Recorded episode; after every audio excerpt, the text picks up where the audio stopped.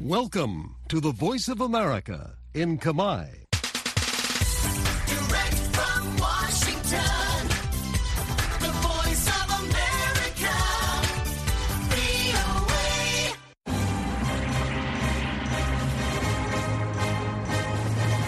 សួស្តីប្រិយមិត្តអ្នកស្ដាប់ជាទីមេត្រី នៅក្នុងកម្មវិធីផ្សាយតាមវិទ្យុរបស់ VOA នៅព្រឹកថ្ងៃពុធទី10ខែមករាឆ្នាំ2024នេះ ខ្ញុំជឹងពូជីននិងសហការីនៃក្រុមផ្សាយជាកាមេរ៉ាភាសាសូមស្វាគមន៍ប្រិយមិត្តពីរដ្ឋធានី Washington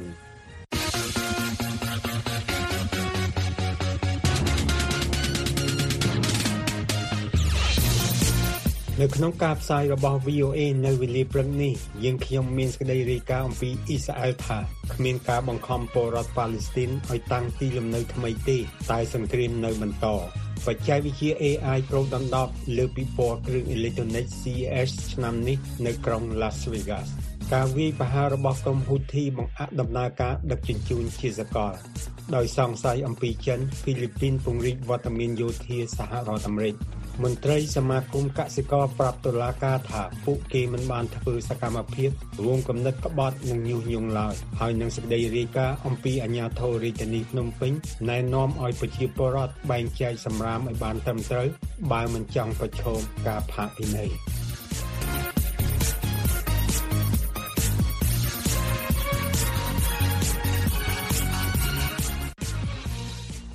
រដ្ឋមន្ត្រីការបរទេសសហរដ្ឋអាមេរិកលោក Anthony Blinken បានជួបជាមួយបេដឹកនាំពិភពអារ៉ាប់ជាច្រើននៅក្នុងតំបន់មជ្ឈមបូព៌ាខណៈភាពតានតឹងក្នុងតំបន់ពាក់ព័ន្ធនឹងអ៊ីស្រាអែលនិងក្រុមហាម៉ាស់កំពុងកើនឡើងខ្លាំងទន្ទឹមនឹងនេះដែរអ៊ីស្រាអែលបានបញ្ជាក់យ៉ាងច្បាស់នៅថ្ងៃអាទិត្យថាគ្មានពលរដ្ឋប៉ាឡេស្ទីនណាម្នាក់នឹងត្រូវបង្ខំឲ្យតាំងទីលំនៅនៅក្រៅតំបន់ហ្គាហ្សានោះឡើយក៏ប៉ុន្តែនិយាយថាសង្គ្រាមនឹងនៅបន្តទៅមុខទៀត អ្នកស្រី Veronica Balderas Iglesias នៃ VOA រាយការណ៍ពីរឿងនេះលោកជាវណ្ណរិទ្ធជួនសេចក្តីប្រែសម្រួលដូចតទៅរ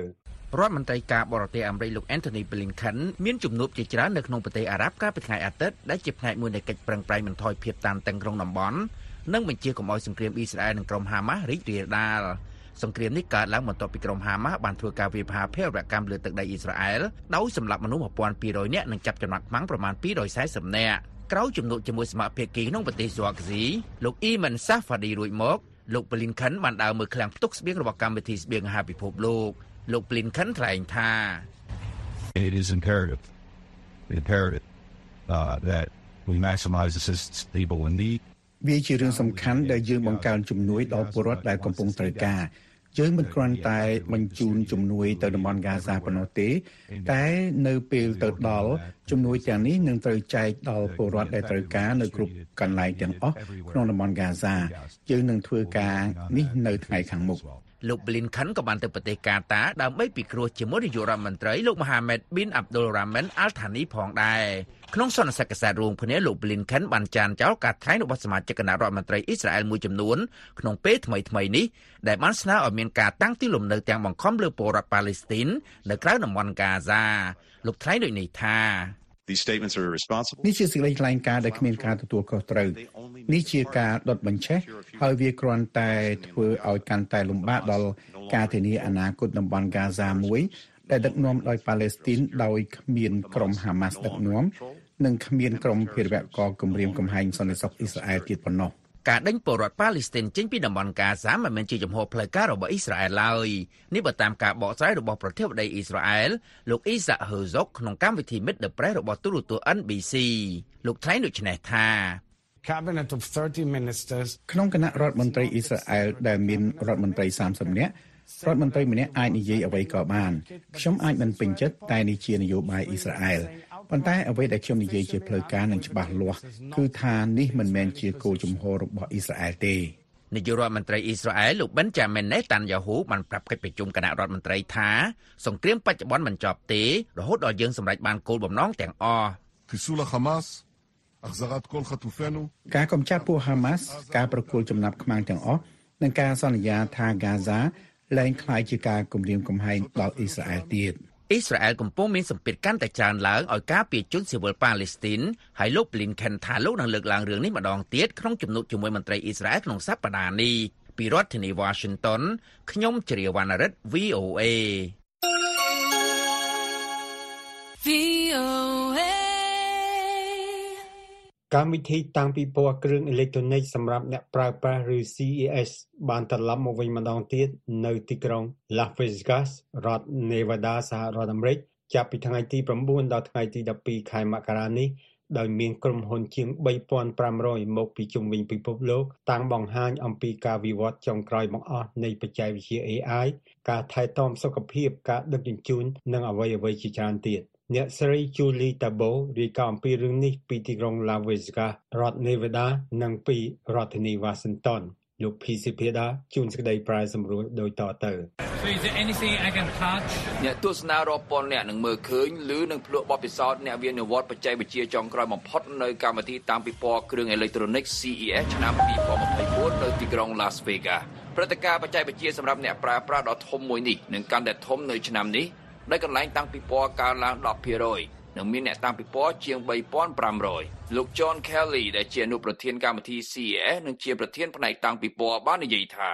We really do represent the entire tech ecosystem. យើងតំណាងឲ្យប្រព័ន្ធអេកូឡូស៊ីបច្ចេកវិទ្យាទាំងមូលដូច្នេះមានការចូលរួមពីក្រុមហ៊ុនថែទាំសុខភាពក្រុមហ៊ុនដឹកជញ្ជូនចល័តក្រុមហ៊ុន drone ក្រុមហ៊ុនបោះពុម្ព 3D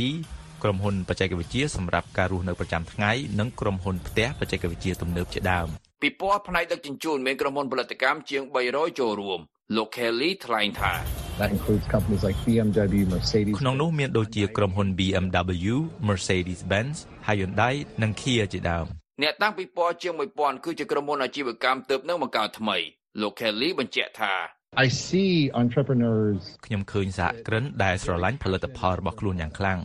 វាមិនមែនជាផលិតផលដើម្បីប្រាក់ចំណេញប៉ុណ្ណោះទេប៉ុន្តែភាគច្រើនជាផលិតផលដោះស្រាយបញ្ហាចំណុចនេះតាក់ទងទៅនឹងប្រធានបទនៃពិព័រណ៍នេះដែលនោះគឺបច្ចេកវិទ្យាជានិរន្តរ៍លោក Kelly ថ្លែងដូចនេះថា For me, that's what's most inspiring is to see those companies that are ការជំរុញទឹកចិត្តខ្លាំងបំផុតគឺការឃើញក្រុមហ៊ុនទាំងនោះអភិវឌ្ឍផលិតផលដោយបំណងល្អដើម្បីផ្លាស់ប្ដូរពិភពលោកឲ្យប្រសើរជាងមុនគេរំពឹងថាបច្ចេកវិទ្យា AI នឹងមាននៅគ្រប់កន្លែងតាំងពីពណ៌ជាពិសេសក្នុងផ្នែកសំខាន់ៗដែលមានការរីកចម្រើនខ្លាំងលោក Kelly បញ្ជាក់បន្ថែមថា you'll see how artificial intelligence is អ្នកនឹងឃើញវិធីដែលបច្ចេកវិទ្យា AI ធ្វើឲ្យរថយន្តដំណើរការ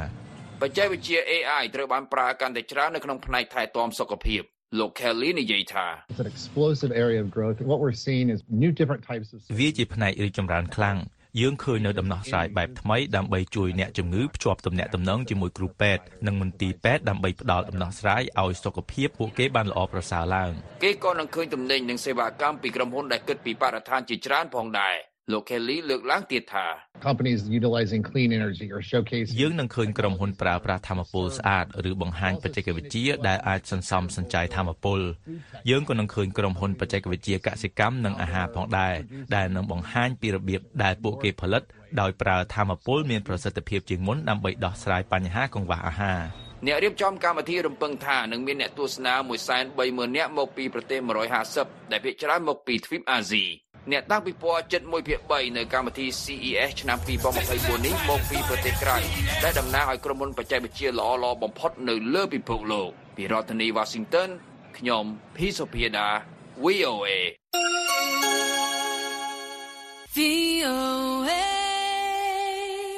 ក្រុមហ៊ុនដឹកជញ្ជូន Mesh របស់ប្រទេសដាណឺម៉ាកនិយាយកាលពីសប្តាហ៍កន្លងទៅថា ខ្លួននឹងបន្តផ្អាកការដឹកជញ្ជូនតាមសមុទ្រក្រហមជាបន្តទៀតក្រោយពីមានការវាយប្រហារមួយកាលពីចុងសប្តាហ៍កន្លងទៅលើនាវាដឹកជញ្ជូនមួយចំនួននៅក្នុងសមុទ្រក្រហមដែលបង្ហាញការគាំទ្រដល់ក្រុមសកម្មប្រយុទ្ធអ៊ីស្លាមប៉ាឡេស្ទីនគឺក្រុមហាម៉ាស់ដែលកំពុងប្រយុទ្ធជាមួយកងកម្លាំងអ៊ីស្រាអែលក្នុងតំបន់ហ្គាហ្សាលោក Henry Redwell រាយការណ៍ជុំវិញរឿងនេះពីទីក្រុងឡុងចក្រភពអង់គ្លេសលោកជាវ៉ាន់រិតជួនក្តីប្រែសម្រួលដោយតទៅក្រុមឧទាមហូធីនៅយេម៉ែនបានវាយប្រហារជាង20ដងលើនាវាពាណិជ្ជកម្មចាប់តាំងពីពាក់កណ្ដាលខែវិច្ឆិកាមកក្រុមនេះថាខ្លួនកំណត់គោលដៅលើនាវាដែលពាក់ព័ន្ធនឹងអ៊ីស្រាអែល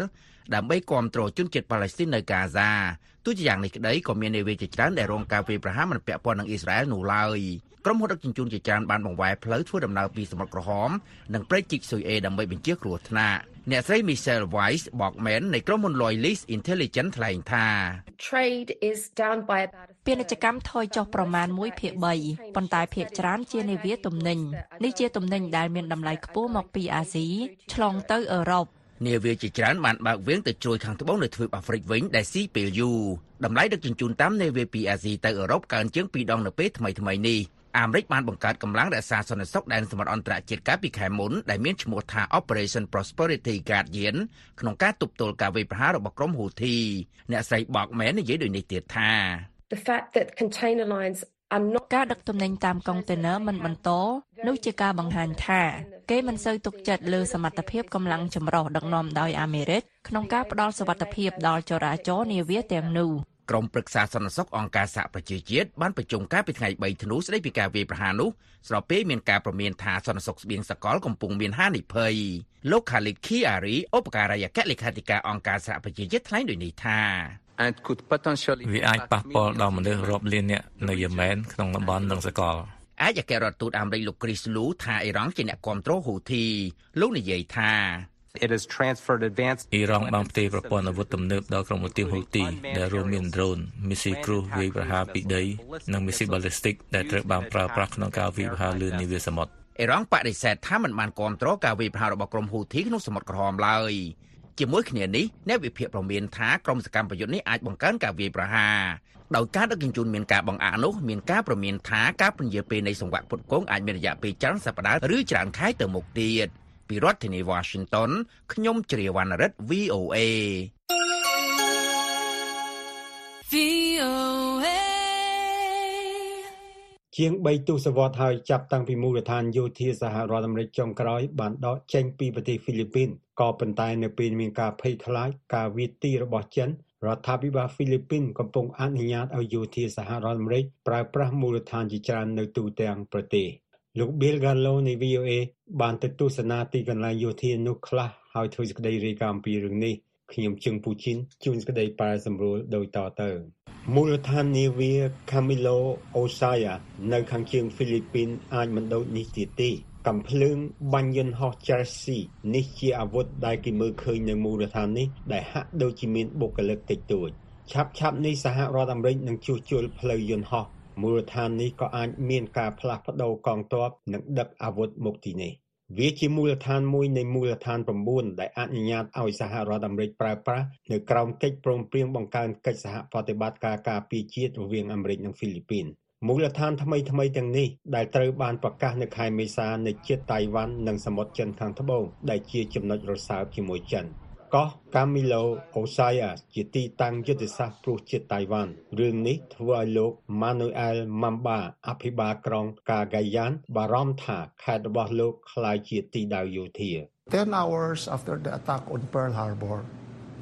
Japan attacked 10ម៉ោងបន្ទាប់ពីការវាយប្រហារនៅ Pearl Harbor ជប៉ុនបានវាយប្រហារយើងព្រោះកងទ័ពអាមេរិកនៅទីនេះខ្ញុំគិតថាវានឹងកើតឡើងម្ដងទៀតបើយើងមានកងទ័ពបរទេសនៅក្នុងទឹកដីរបស់យើង សហរដ្ឋអាមេរិកបានគ្រប់គ្រងហ្វីលីពីនអស់រាប់ទសវត្សរ៍មុនហ្វីលីពីនបានឯករាជ្យនៅឆ្នាំ1946មូលដ្ឋានអចិន្ត្រៃយ៍អាមេរិកចុងក្រោយបានរើចេញនៅដើមទសវត្សរ៍1990ពេលមានការប្រឆាំងពីហ្វីលីពីនមន្ត្រីហ្វីលីពីនថាការរៀបចំថ្មីមិនបង្កើតវត្តមានអាមេរិកអចិន្ត្រៃយ៍ទេការផ្ដោតសំខាន់គឺបង្កើតទំនើបកម្មយោធាហ្វីលីពីនលោក Jonathan ម៉ាឡាយ៉ាជំនួយការអគ្គនាយកក្រុមប្រឹក្សាសន្តិសុខហ្វីលីពីនថា We have improved our military but it's never enough យើងបានធ្វើឲ្យយោធារបស់យើងប្រសើរឡើងតែមិនទាន់គ្រប់គ្រាន់ទេព្រោះយើងមានបញ្ហាទឹកដីជាមួយនឹងចិនចិនបានបង្កើនការយាយីដល់នាវាហ្វីលីពីនខណៈចិនបង្ខំការទៀមទាក្នុងសមុទ្រចិនខាងត្បូងមន្ត្រីខ្លះនៅក្រុងម៉ានីលយល់ថាវត្តមានកងទ័ពអាមេរិកជាវិធីកំញើញគោលបំណងវាទីរបស់ចិនក្នុងតំបន់ លោក Jonathan ថ្លែងទៀតថា The first island chain is very important no and that first ជួរកោះទី1មានសារៈសំខាន់ណាស់មែនទេហើយជួរកោះទី1គឺតៃវ៉ាន់និងហ្វីលីពីនដូច្នេះការផ្លាស់ប្ដូរកងទ័ពអាមេរិកនៅហ្វីលីពីនគឺជាបញ្ហាសម្រាប់ចិនចិនបានរិះគន់ថាកិច្ចព្រមព្រៀងនេះរំលោភអធិបតេយ្យភាពហ្វីលីពីនហ្វីលីពីនបដិសេធវរៈសេនីយ៍ឯក Meldel Aguila អ្នកនាំពាក្យកងទ័ពហ្វីលីពីនថា It's a kind of propaganda that they're doing and uh, just to put Malis in what we are នេះជាការឃោសនាដែលចិនកំពុងធ្វើដើម្បីព្យាបាទអ្វីដែលយើងកំពុងធ្វើអ្វីដែលសំខាន់សម្រាប់យើងគឺថាយើងនឹងបានផលប្រយោជន៍ពីកិច្ចព្រមព្រៀងនេះនៅខាងក្រៅក្រុងកាមីឡាអូសាយ៉ាអ្នកស្រុកតិចតួចប៉ុណ្ណោះហាក់ដូចជាដឹងពីផលប្រយោជន៍ឬបញ្ហាដែលមូលដ្ឋានដ៏តូចនេះអាចដើរតួនាទីដ៏ធំសម្រាប់សន្តិសុខនៅអាស៊ីនៅពេលឆាប់ៗនេះពីរដ្ឋធានី Washington ខ្ញុំជឹងពូជីន VOA of America. VOA. កាលពីថ្ងៃច័ន្ទសាលាដំបងខេត្តរតនគិរី បានបើកសវនាការជំនុំជម្រះលើករណីលោកថេងសាវឿននិងសហការី2នាក់ដែលត្រូវបានចោទប្រកាន់ពីបទរួមគំនិតក្បត់និងញុះញង់នៅក្នុងសវនាការពួកគេបានច្រានចោលការចោទប្រកាន់នេះនិងស្នើឲ្យតុលាការពិចារណាទម្លាក់បទចោទប្រកាន់លើពួកគេ លោកសឹមច័ន្ទសំណាងរាយការណ៍លម្អិតឲ្យ VOA ពីរាជធានីភ្នំពេញដូចតទៅ។មន្ត្រីសមាគមសម្ព័ន្ធសហគមន៍កសិករកម្ពុជា3រូបបានប្រាប់ចៅក្រមតុលាការខេត្តរតនគិរីថាពួកគេមិនមានចេតនាឬក៏ប្រព្រឹត្តសកម្មភាពណាមួយដែលពាក់ព័ន្ធនឹងការចោទប្រកាន់រួមគំនិតក្បត់និងញុះញង់ឡើយកាលពីថ្ងៃច័ន្ទសាលាដំបងខេត្តរតនគិរីបានបើកសវនាការជំនុំជម្រះលើជនជាប់ចោទ3រូបរួមមានលោកថេងសាវឿនប្រធានសមាគមសម្ព័ន្ធសហគមន៍កសិករកម្ពុជា និងសហការី2នាក់របស់លោកគឺលោកញិលភៀបនិងលោកថាញ់ហាចពួកគេត្រូវបានចោទប្រកាន់ពីបទរួមគំនិតក្បត់និងញុះញង់ឲ្យប្រព្រឹត្តអំពើបង្កឲ្យមានភាពវឹកវរធ្ងន់ធ្ងរដល់សន្តិសុខសង្គមសមត្ថកិច្ចបានចាប់ខ្លួនពួកគេកាលពីខែឧសភាឆ្នាំមុនបន្ទាប់ពីពួកគេបានបញ្ចប់វគ្គបណ្ដុះបណ្ដាលពង្រឹងសមត្ថភាពបុគ្គលិកសមាគម ដែលរៀបចំឡើងនៅក្នុងខេត្តរតនគិរីដែលអាជ្ញាធរមូលដ្ឋាននៅទីនោះសង្ស័យថាសមាគមលោកថេងសាវឿនបានលួចប្រជុំក្នុងសន្តាគារមួយនៅទីក្រុងបានលុងហើយបានរៀបចំផែនការធ្វើបដិវត្តកសិករបើតាមសារដែលបង្ហោះនៅលើ Facebook របស់សមាគមសម្ព័ន្ធសហគមន៍កសិករកម្ពុជានៅក្នុងសេចក្តីសម្រេចចុងក្រោយតំណាងអាយកាបានសម្រេចរក្សាបទចោទរួមគំនិតក្បត់ និងញុះញង់ឲ្យប្រព្រឹត្តអំពើបង្កឲ្យមានភាពវឹកវរធ្ងន់ធ្ងរដល់សន្តិសុខសង្គមដោយយោងតាមបញ្ញត្តិមាត្រា453និង495នៃក្រមព្រហ្មទណ្ឌសមាគមបញ្ជាក់ថាតែទោះជាយ៉ាងណាតំណាងអាយកាក៏បានស្នើសុំអង្គជំនុំជម្រះឲ្យពិចារណាផងដែរទៅលើទោសនិងស្នើឲ្យចៅក្រមជំនុំជម្រះបន្ធូរបន្ថយទោសសម្រាប់អ្នកទាំង3ផងដែរដោយតំណាងអัยការមើលឃើញថាអ្នកទាំង3អំឡុងពេលដាក់ឲ្យនៅក្រៅឃុំនិងស្ថិតនៅក្រោមការពិនិត្យរបស់ព្រះរាជអាជ្ញា ពួកគាត់បានអនុវត្តតាមវិធាននិងគោលការណ៍របស់អัยការបានយ៉ាងល្អប្រសើរហាក់មិនមានបញ្ហាណាមួយគួរឲ្យកត់សម្គាល់ឡើយលោកថេងសាវឿនប្រាប់ VOA នៅថ្ងៃអង្គារនេះថាអង្គជំនុំជម្រះបានសាកសួរពីអង្គហេតុផ្សេងៗពីសិក្ខាសាលាដែលក្រុមការងាររបស់លោកបានចុះធ្វើនៅក្នុងខេត្តរតនគិរីកាលពីថ្ងៃទី13និងថ្ងៃទី14ខែឧសភាឆ្នាំ2023លោកបានបន្តថាលោកបានបកស្រាយទៅអង្គជំនុំជម្រះថា រូបលោកនិងក្រុមការងារមិនមានចេតនាឬសកម្មភាពពាក់ព័ន្ធនឹងអំពើរួមគំនិតក្បត់អ្វីឡើយលោកអះអាងថាសិក្ខាសាលានេះធ្វើឡើងដើម្បីពង្រឹងសមត្ថភាពរបស់ក្រុមការងារលោកតែប៉ុណ្ណោះយើងគ្រាន់តែរៀបចំសិក្ខាសាលាដើម្បីកសាងសមត្ថភាពនិងពង្រឹងសមត្ថភាពដល់បុគ្គលិកតែប៉ុណ្ណោះហើយការធ្វើនេះនៅក្នុងបន្ទប់ពេទ្យចិត្តហើយយើងក៏ទទួលស្គាល់នៅភាពខុសល្បែងនៃកំហុសឆ្គងនៃការប្រើប្រាស់ ភាសាពាក្យពេចន៍មួយចំនួនឬក៏ប្រធានបទនៃស្បទបង្ហាញខ្លះបានប្រឆាំងទៅនឹងវិវិធយើងខ្លះអានឹងជាការឆោល្បែងបែបរដ្ឋបាលរបស់យើងយើងទទួលស្គាល់ក្នុងការប្រតិបត្តិការរបស់យើងលោកថេងសាវឿនក៏បានស្នើសុំចៅក្រមឲ្យពិចារណា និងពិនិត្យមើលអង្គហេតុព្រមទាំងទម្លាក់ចោលបទចោទប្រកាន់មកលើរូបលោកពួកខ្ញុំសង្ឃឹមយ៉ាងមុតមមថាសាលាដំបងប្រវត្តិសាស្ត្រជំនុំជម្រាបនៃសាលាដំបងខេត្តរតនគិរីលោកនឹងពិចារណាអំពីហេតុផលពីព្រោះថាកន្លងមកនៅពេលដែលមានតាំងពីការខត់ខ្លួននៅពេលបច្ចុប្បន្នយើងបានព្យាយាមនឹងបង្ហាញការពិតក៏ដូចជាបំភ្លឺនិងគោរពតាមវិធានរបស់សាលាដំបងខេត្តរតនគិរីដែលបានដាក់ឲ្យយើងស្ថិតនៅក្រោមការត្រួតពិនិត្យផងដែរចំណែកលោកញិលភៀប មន្ត្រីជាន់ខ្ពស់ចុងក្រងនឹងតស៊ូមតិនៃសមាគមសម្ព័ន្ធសហគមន៍កសិករកម្ពុជា ដែលជាជនជាប់ចោទមួយរូបទៀតនៅក្នុងសំណុំរឿងនេះប្រាប់ VOA ថានៅក្នុងសវនកម្មកាលពីថ្ងៃច័ន្ទអង្គជំនុំជម្រះបានសួរនាំរូបលោកសហការីផ្សេងទៀតនិងសាក្សីចំនួន12នាក់ដែលសិតសឹងជាបុគ្គលិករបស់សមាគមព្រមទាំងតំណាងសន្តាគារដែលក្រុមការងារបានជួលសម្រាប់រៀបចំសិក្ខាសាលាអំពីអង្គហេតុនានាដែលបានកើតឡើងនាពេលនោះ លោកយល់ថាការខាត់ខ្លួននឹងបទចោទប្រកាន់មកលើរូបលោកមានភាពអយុត្តិធម៌ជាខ្លាំងហើយលោកនឹងក្រុមការងារផ្ទាល់ប្រាប់តុលាការថាមិនមានគោលបំណងឬប្រព្រឹត្តសកម្មភាពណាមួយក្នុងការផ្ដួលរលំឬប្រឆាំងនឹងរដ្ឋាភិបាលឡើយដោយសារតែសកម្មភាពទាំងអស់ហ្នឹងគឺសិក្ខាកាមក៏ដូចជារូបខ្ញុំបាទហ្នឹងគឺអត់មានចេតនានៅក្នុងការប្រព្រឹត្តឬក៏ចេតនាណាមួយនៅក្នុងការបង្កើតតំបន់អបគមបង្កើតក្រុមបង្កើតដើម្បីទទួលរំលំពី រដ្ឋាភិបាលទៅគឺយើងធ្វើការស្របទៅតាមលក្ខខណ្ឌអាកាសនិងគោលការណ៍ច្បាប់ជាធរមាននៃប្រទេសជាណាចក្រកម្ពុជារបស់យើងលោកអំពីវនីវទៅអង្គជំនុំជម្រះសាលាដំបងខេត្តរតនគិរីទម្លាក់បទចោទប្រកាន់មកលើរូបលោកលោកយល់ថាបទចោទប្រកាន់រួមគំនិតក្បត់និងញុះញង់ឲ្យប្រព្រឹត្តអំពើបង្កឲ្យមានភាពវឹកវរដល់សន្តិសុខសង្គមមានភាពធ្ងន់ធ្ងរយ៉ាងខ្លាំងលោកថេងសាវឿនប្រធានសមាគមសម្ព័ន្ធសហគមន៍កសិករកម្ពុជា និងសហការីរបស់លោកពីរនាក់គឺលោកថាន់ហាជ មន្ត្រីសម្របសម្រួលសហគមន៍និងលោកញិលភៀបមន្ត្រីជាន់ខ្ពស់នៃសមាគមត្រូវបានសមត្ថកិច្ចខេត្តក្រចេះឃាត់ខ្លួនកាលពីថ្ងៃទី17ខែឧសភាឆ្នាំ2023ក្រោមការបញ្ជារបស់ស្នងការនគរបាលខេត្តរតនគិរីក្រោយបញ្ចប់វគ្គបណ្ដុះបណ្ដាលមួយនៅក្នុងខេត្តរតនគិរីលោកកៅពិសិដ្ឋអ្នកនាំពាក្យសាលាដំបងខេត្តរតនគិរីប្រាប់ VOA តាមទូរស័ព្ទនៅថ្ងៃអង្គារនេះថាលោកមិនបានចូលរួមនៅក្នុងសវនកម្មរបស់លោកថេងសាវឿននិងសហការី2នាក់ទៀតនោះទេដូច្នេះលោកមិនអាចទាន់អធិប្បាយបាន តុលាការខេត្តរតនគិរីក្រុងនឹងប្រកាសសាលក្រមលើសំណុំរឿងនេះនៅថ្ងៃទី15ខែមករាឆ្នាំ2024នេះបើតាមលោកថេងសាវឿនគូបញ្ជាក់ថាកាលពីចុងខែឧសភាឆ្នាំ2023តុលាការខេត្តរតនគិរីបានសម្រេចដោះលែងលោកថេងសាវឿននិងសហការីរបស់លោកពីរនាក់ឲ្យនៅក្រៅឃុំបណ្ដោះអាសន្នការដោះលែងនេះធ្វើឡើងបន្ទាប់ពីលោកថេងសាវឿនបានចេញសារជាលិខិត និងវីដេអូប្រកាសទទួលស្គាល់កំហុសនៅក្នុងសំណុំរឿងចោលប្រកាន់បដិវត្តកសិករនិងកិច្ចអន្តរាគមន៍ពីអតីតនាយករដ្ឋមន្ត្រីលោកហ៊ុនសែនរីកាប្រជាធានីភ្នំពេញខ្ញុំសំច័ន្ទសំណាង VOA The Voice of America កាលពីពេលថ្មីថ្មីនេះរដ្ឋបាលរាជធានីភ្នំពេញបានចេញសេចក្តីជូនដំណឹងមួយដល់ប្រជាពលរដ្ឋទាំងអស់នៅក្នុងរាជធានីភ្នំពេញថារដ្ឋបាលនឹងផាកពិន័យចំពោះអំពើការបែងចែកសម្រាមមិនបានត្រឹមត្រូវតាមការណែនាំពលរដ្ឋខ្លះសាទរចំពោះការផាកពិន័យនេះ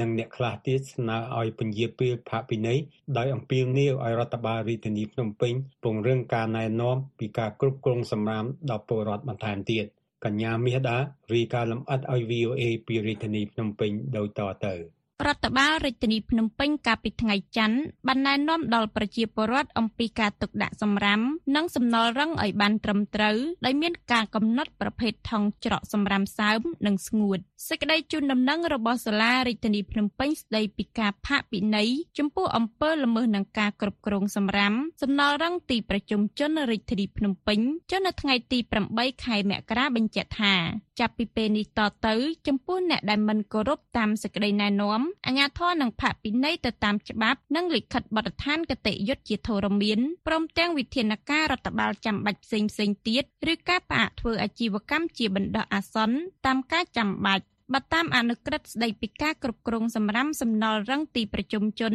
មាត្រា39ចែងថា ការមិនអនុវត្តតាមការកំណត់របស់រដ្ឋបាលរាជធានីភ្នំពេញ ក្រុងស្រុកខណ្ឌក្នុងការញែកនិងការវិច្ចចាប់ដោយឡែកនៅសម្រាមសំណល់រឹងទីប្រជុំជន ដែលអាចប្រើប្រាស់បានឡើងវិញឬកែច្នៃបានត្រូវទទួលការពិន័យអន្តរការជាប្រាក់ចន្លោះពី10000រៀលទៅដល់200,000រៀលក្នុងករណីមិនរៀងចាលត្រូវទទួលការពិន័យអន្តរការជាប្រាក់ទ្វេដងនៃប្រាក់ពិន័យអន្តរការលើកមុនប្រជាពលរដ្ឋនៅរាជធានីភ្នំពេញខ្លះសាទរចំពោះវិធានការរបស់រដ្ឋបាលរាជធានីភ្នំពេញប៉ុន្តែអំពាវនាវឲ្យអាជ្ញាធរពង្រឹងការណែនាំបន្ថែមទៀតកញ្ញាជាលីណាអាយុ31ឆ្នាំអ្នកលក់ផ្លែឈើនៅរាជធានីភ្នំពេញប្រាប់ VOA ថាកញ្ញាបានបែងចែកសម្រាមទៅតាមប្រភេទផ្សេងៗពីគ្នាទៅតាមការណែនាំរបស់អាជ្ញាធររាជធានីភ្នំពេញ គ្រឿងកំប៉ុងអីផ្សេងអញ្ចឹងណាស្ងួតហើយនឹងនឹងគ្រឿងអាលីទឹកទឹកជាងនេះយើងបែងចែកផ្សេងគ្នាទៅ អ្នកលក់ផ្លែឈើរូបនេះបន្ថែមទៀតថាកាលពីពេលកន្លងទៅរដ្ឋបាលរាជធានីភ្នំពេញក៏បានចេញសេចក្តីណែនាំពីការគ្រប់គ្រងសម្រាមដែរប៉ុន្តែកញ្ញាថាការណែនាំនោះមិនបានធ្វើឲ្យប្រជាពលរដ្ឋយល់ដឹងទូលំទូលាយនៅឡើយទេពីការទុកដាក់សម្រាមកញ្ញាស្នើឲ្យរដ្ឋបាលរាជធានីភ្នំពេញគួរតែពង្រឹងការណែនាំដល់ប្រជាពលរដ្ឋបន្ថែមទៀតដោយកុំទាន់ចាត់វិធានការការផាកពិន័យ ខ្ញុំគិតថាវាអត់អត់តន់គួរគាត់ផាកហ្នឹងមកសម្រាប់ខ្ញុំណាព្រោះជាជនយើងឥឡូវអត់តន់យល់ដឹងពីខាងហ្នឹងឯងអត់តន់ច្រើនបើសម្រាប់ក្មេងៗឥឡូវអាចគាត់ថាគាត់យល់ដឹងបានខ្លះខ្លះណាបើទៅសម្រាប់បើចាស់ចាស់វិញគាត់បើភាកច្រើនចង់80 90ហ្នឹងគាត់អត់ទាន់យល់ដឹងរឿងការបែងចែកសម្រាប់ទេអញ្ចឹងហើយបើសិនជាគាត់ចេញពីនៃផាកហ្មងដូចរឿងពិបាកគាត់ត្រូវបរៀនបរៀនគេយល់ដឹងពីអាខាងហ្នឹងសិនអញ្ចឹងណា ចាំយើងរឹតបន្តឹងច្បាប់វាអត់សូវអីដល់ពេលអញ្ចឹងទៅវារៀងពិបាកវារៀងពិបាកស្ដាប់ពិបាកមើល ចំណែកអ្នកលក់ដូងក្រអូបនៅរាជធានីភ្នំពេញ អ្នកស្រីប៊ុនដាអាយុ64ឆ្នាំប្រាប់ VOA ថាសម្រាប់របស់អ្នកស្រីភ ieck ច្រើនគឺសម្បកដូង ដែលអ្នកស្រីតែងតែប្រមូលច្រកការ៉ង់ដើម្បីឲ្យរថយន្តដឹកសម្រាមងាយស្រួលលើកដាក់អ្នកស្រីក៏សំណូមពរដល់ប្រជាពលរដ្ឋទាំងអស់ឲ្យគ្រប់គ្រងសម្រាមឲ្យបានល្អដើម្បីចូលរួមថែរក្សាបរិស្ថានទីក្រុងហើយបើអ៊ំ ដូចសបកដូងអីមានឡានសន្ទ្រីអីមកយកដល់ដល់កន្លែងហ្នឹងយើងចាក់ហើយយើងរៀបបោះឲ្យស្អាតទៅហើយហើយខ្ញុំពោលថាឲ្យយើងប្រជាពលរដ្ឋទាំងអស់គ្នាយើងជួយថែទាំទីក្រុងយើងជួយអនាម័យគ្នាគួរតែជួយសម្អាតទាំងអស់គ្នាទៅស្អាតម្នាក់អ្នករាប់អ្នកពង្រាយរាប់ពាន់រាប់ម៉ឺនអ្នកធ្វើមិនស្អាតដល់យើងជួយគ្នា អ្នកស្រីបន្ថែមថាសម្រាប់ក្នុងផ្ទះអ្នកស្រីវិញអ្នកស្រីច្រកដាក់ចូលក្នុងថង់លីគ្នាដោយចង់បិទចិត្តទើបយកទៅចោលនៅពេលមានរថយន្តដឹកសម្រាមមកយកអ្នកស្រីថាការដែលអ្នកស្រីធ្វើបែបនេះដោយសារតែអ្នកស្រីមិនបានយល់ដឹងច្បាស់ពីការគ្រប់គ្រងសម្រាមនៅឡើយចំណែកឯអ្នកស្រីអឿងស៊ីណេតអាយុ26ឆ្នាំអ្នកលក់បាយឆានិងមីឆាលើរទេះ ប្រាប់ VOA ថាអ្នកស្រីសាទរចំពោះចំណាត់ការរបស់រដ្ឋបាលរាជធានីភ្នំពេញដែលផាកពិន័យលើអំពើទាំងឡាយណា ដែលល្មើសនឹងការគ្រប់គ្រងសម្រាមហ្នឹងហើយគឺរឿងល្អបងបើគេថាហើយខ្ញុំមិនដែរចោលទេខ្ញុំមាន5សិតតាឈ្មោះទាំងអស់ចូលគ្នាទាំងអស់ហ្មងតែអត់មានអារាវមានសារអាឈ្មោះទាំងអស់ហ្មងចូលដាក់ខ្ញុំចូលក្នុងធុងហ្មងដាក់ក្រៅគេអត់យកឡានសន្ទ្រី VOA ពុំតាន់អាចសុំការអត្ថាធិប្បាយពីលោកមេតមាសភក្តីអ្នកនាំពាក្យសាលារាជធានីភ្នំពេញបាននៅឡើយទេរដ្ឋបាលរាជធានីភ្នំពេញបញ្ជាក់នៅក្នុងសេចក្តីជូនដំណឹងកាលពីថ្ងៃច័ន្ទថារដ្ឋបាលធ្លាប់បានចេញសេចក្តីណែនាំមួយកាលពីខែកញ្ញាឆ្នាំ2021ស្តីពីការគ្រប់គ្រងសម្រាមសំណល់រឹងនៅរាជធានីភ្នំពេញដោយបានណែនាំលម្អិតអំពីការញែកការវិចខ្ចប់ ការទុកដាក់និងការបញ្ចេញសម្រាមសំណល់រឹងរដ្ឋបាលបញ្ជាក់ថាកន្លងទៅម្ចាស់លំនៅឋាន ម្ចាស់អាជីវកម្មស្ថាប័នរដ្ឋនិងឯកជនរោងចក្រសហគ្រាសនិងបងប្អូនប្រជាពលរដ្ឋភៀសច្រើនបានយកចិត្តទុកដាក់ក្នុងការអនុវត្តសេចក្តីណែនាំនេះប៉ុន្តែនៅមានមួយចំនួនទៀតនៅតែមិនទាន់បានយកចិត្តទុកដាក់ក្នុងការអនុវត្តនៅឡើយបើតាមសាលារាជធានីភ្នំពេញសម្រាប់ស្ងួតមានដូចជាក្រដាសក្រដាសកាតុងឡាំងគ្រឿងក្លាស្ទិក ហ្វូមជ័រដែកកំប៉ុង និងដបជ័រជាដើមត្រូវដាក់ក្នុងថង់ពណ៌សចំណែកសម្រាមសើមដូចជាសំណល់ម្ហូបអាហារ សំណល់សេរីរាង្គផ្លែឈើនិងផ្កាជាដើមត្រូវដាក់ក្នុងថង់ពណ៌ខ្មៅក្នុងករណីការទុកដាក់សម្រាមមិនត្រឹមត្រូវតាមពណ៌ថង់ខ្មៅនិងសដោយតែបានកំណត់ខាងលើក្រុមហ៊ុននឹងមិនប្រមូលសម្រាមឡើយសេចក្តីណែនាំឲ្យដឹងថាការដាក់សម្រាមសំណល់រឹងក្នុងថង់ពណ៌ផ្សេងក្រៅពីពណ៌ខ្មៅនិងសក្រុមហ៊ុននឹងមិនប្រមូលសម្រាមឡើយបងប្អូនប្រជាពលរដ្ឋអាចរកទិញថង់ទាំងពីរពណ៌ខាងលើនេះនៅតាមបណ្ដាទីផ្សារនានា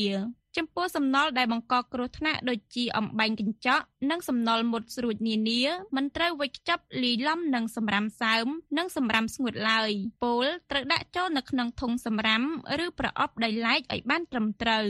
សម្រាប់ការទុកដាក់សម្រាមវិញគឺត្រូវដាក់ទៅតាមទីតាំងទុកដាក់សម្រាមដែលកំណត់ដោយអាជ្ញាធរមូលដ្ឋាន និងប្រតិបត្តិការប្រមូលសម្រាមដោយត្រូវសម្រិតទឹកចេញពីថង់សម្រាមចងមាត់ថង់សម្រាមឲ្យជិតត្រឹមត្រូវមុននឹងយកទៅបោះចោលតាមទីតាំងចោលសម្រាមរាយការណ៍ពីរាជធានីភ្នំពេញ នាងខ្ញុំមាសដា VOA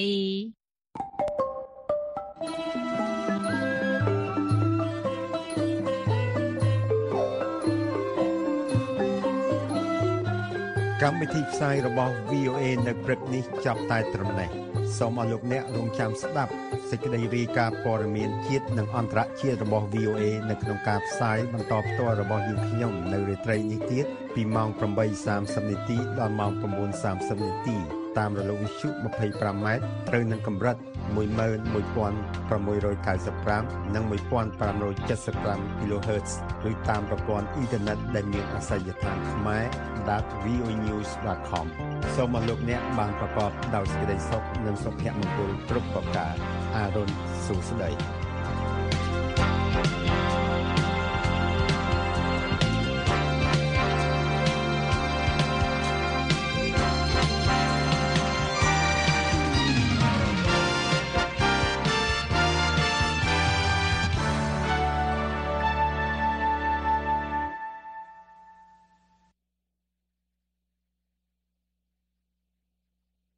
This program has come to you from the Voice of America, Washington.